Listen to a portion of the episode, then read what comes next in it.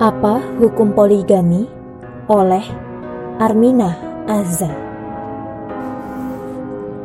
Pembahasan mengenai poligami adalah pembahasan yang seolah tak ada usangnya, baik bagi laki-laki maupun perempuan. Selalu bisa menjadi topik pembahasan yang menarik, sebab poligami masih dianggap kontroversial di masyarakat kita. Maka tak heran jika perbincangan dan pembahasan poligami masih menduduki juara pembahasan. Sebut saja, misalnya Ustadz A dikabarkan berpoligami, sejagat Nusantara akan heboh dan semua media tak habis untuk memberitakannya.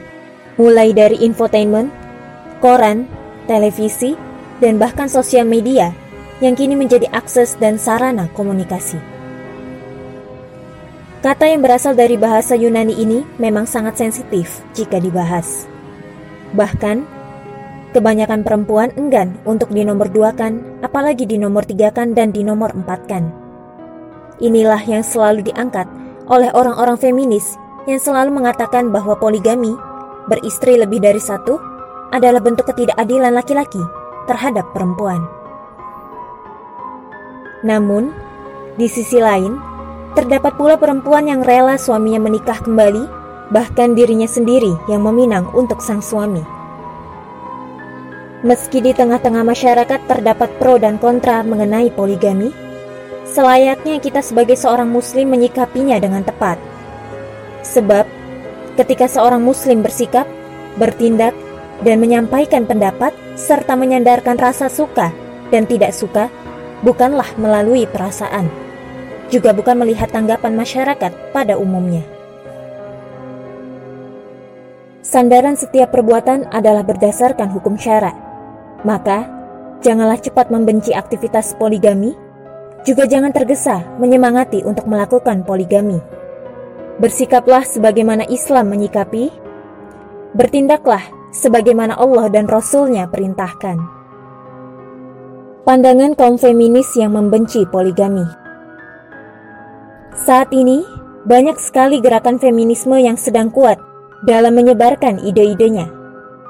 Mengharapkan kesetaraan gender dan menolak poligami. Bagi pengusung ide feminisme, perilaku poligami adalah perilaku yang hanya akan merugikan kaum perempuan maka dengan keras mereka menolak tanpa toleransi sedikit pun. Bagi mereka dengan laki-laki memiliki istri lebih dari satu, pasti akan melukai salah satu istrinya atau akan berbuat tidak adil dengan istri-istri yang lain. Bahkan tidak hanya itu, mereka juga berpendapat dengan membolehkan laki-laki berpoligami. Sama saja dengan membuka lebar-lebar keran kekerasan bagi perempuan dan anak.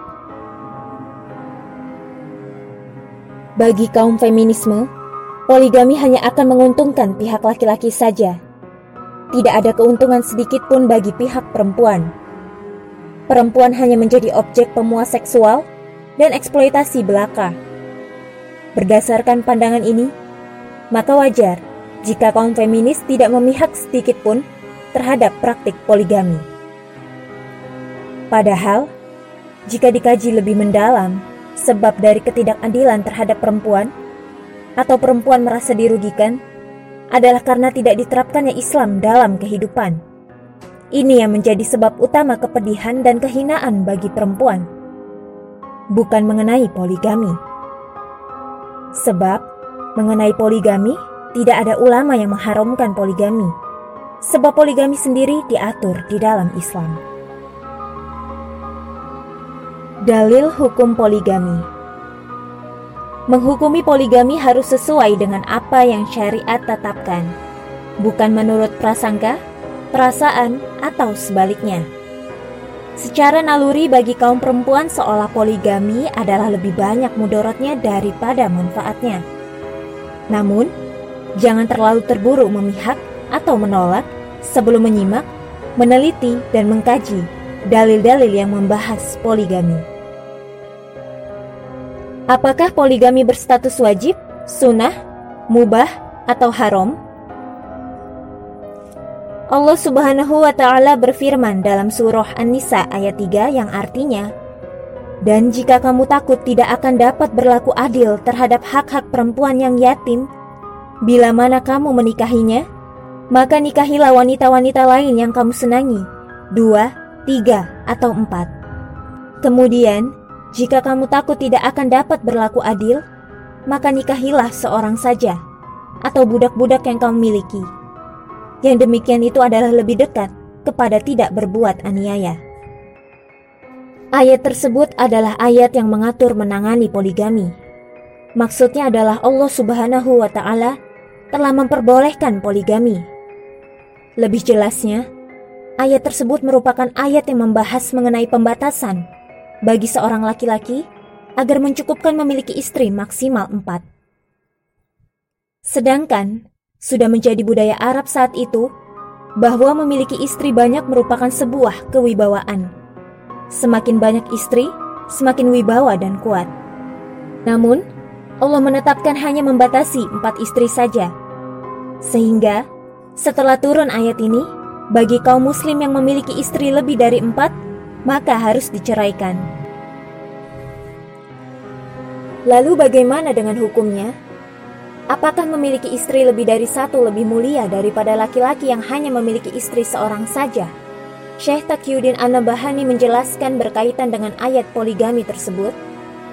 Beliau menyampaikan dalam kitab Nizamul Ijtima'i fil Islam pada halaman 218 bahwa Allah memperbolehkan poligami tanpa adanya suatu pembatasan atau syarat apa pun. Nabi Shallallahu Alaihi Wasallam pun bersabda, siapa saja yang mempunyai dua orang istri, lalu ia lebih cenderung kepada salah satu dan mengabaikan yang lain, niscaya ia akan datang pada hari kiamat nanti berjalan sementara salah satu kakinya lumpuh atau pincang. Hadis riwayat Ibnu Hibban. Jadi, hukum melakukan poligami adalah mubah, bukan sunnah, wajib, apalagi haram. Artinya, laki-laki yang memiliki istri lebih dari satu tidak berarti ia lebih mulia dari laki-laki yang memiliki istri seorang saja. Sebab menurut Allah, sikap adil yang harus dikejar, sikap tidak mendekati kezoliman yang harus diutamakan.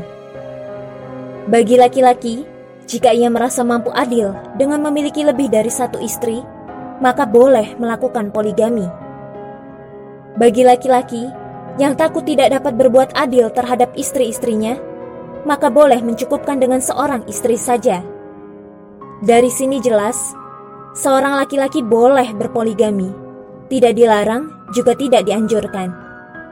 Sikap sebagai seorang muslim pun tidak layak jika membenci poligami yang merupakan bagian dari syariat Islam yang diperbolehkan oleh Allah.